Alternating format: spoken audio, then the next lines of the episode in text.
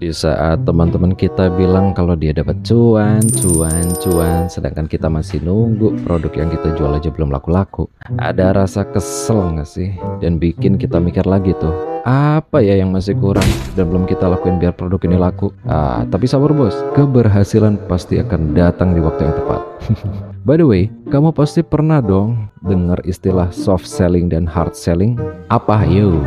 Mari kita bedah. Soft selling itu pendekatan penjualan dengan menggunakan bahasa yang halus dan teknik yang gak agresif. Sedangkan hard selling itu strategi penjualan yang sifatnya langsung dan gamblang, biar konsumen langsung terdorong untuk melakukan transaksi. Ya agak terkesan gak sabaran sih emang.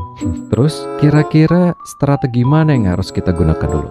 Jadi gini, kalau fokus sekarang adalah target penjualan jangka pendek, art selling bisa tuh kita coba buat langsung aja mengarahkan calon konsumen kita untuk beli atau nyobain produk. Tapi kalau fokusnya itu pendekatan ke calon konsumen agar lebih mengenal dan relate sama mereka tanpa harus terkesan memaksa, bisa tuh kita pakai soft selling biar mereka penasaran dan akhirnya mau membeli tanpa harus dipaksa. Contohnya gimana bro?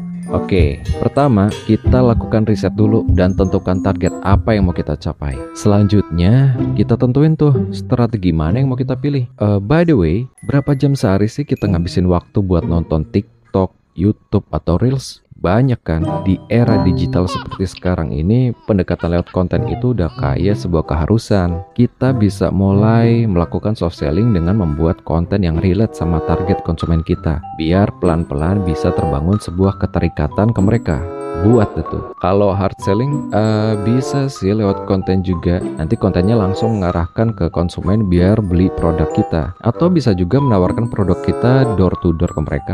Terus strategi mana yang lebih bagus? Ya tentu aja disesuaikan sama produk apa yang dijual dan target apa yang pengen kita capai. Follow dan like untuk tips-tips yang lain. Keep focus on your purpose.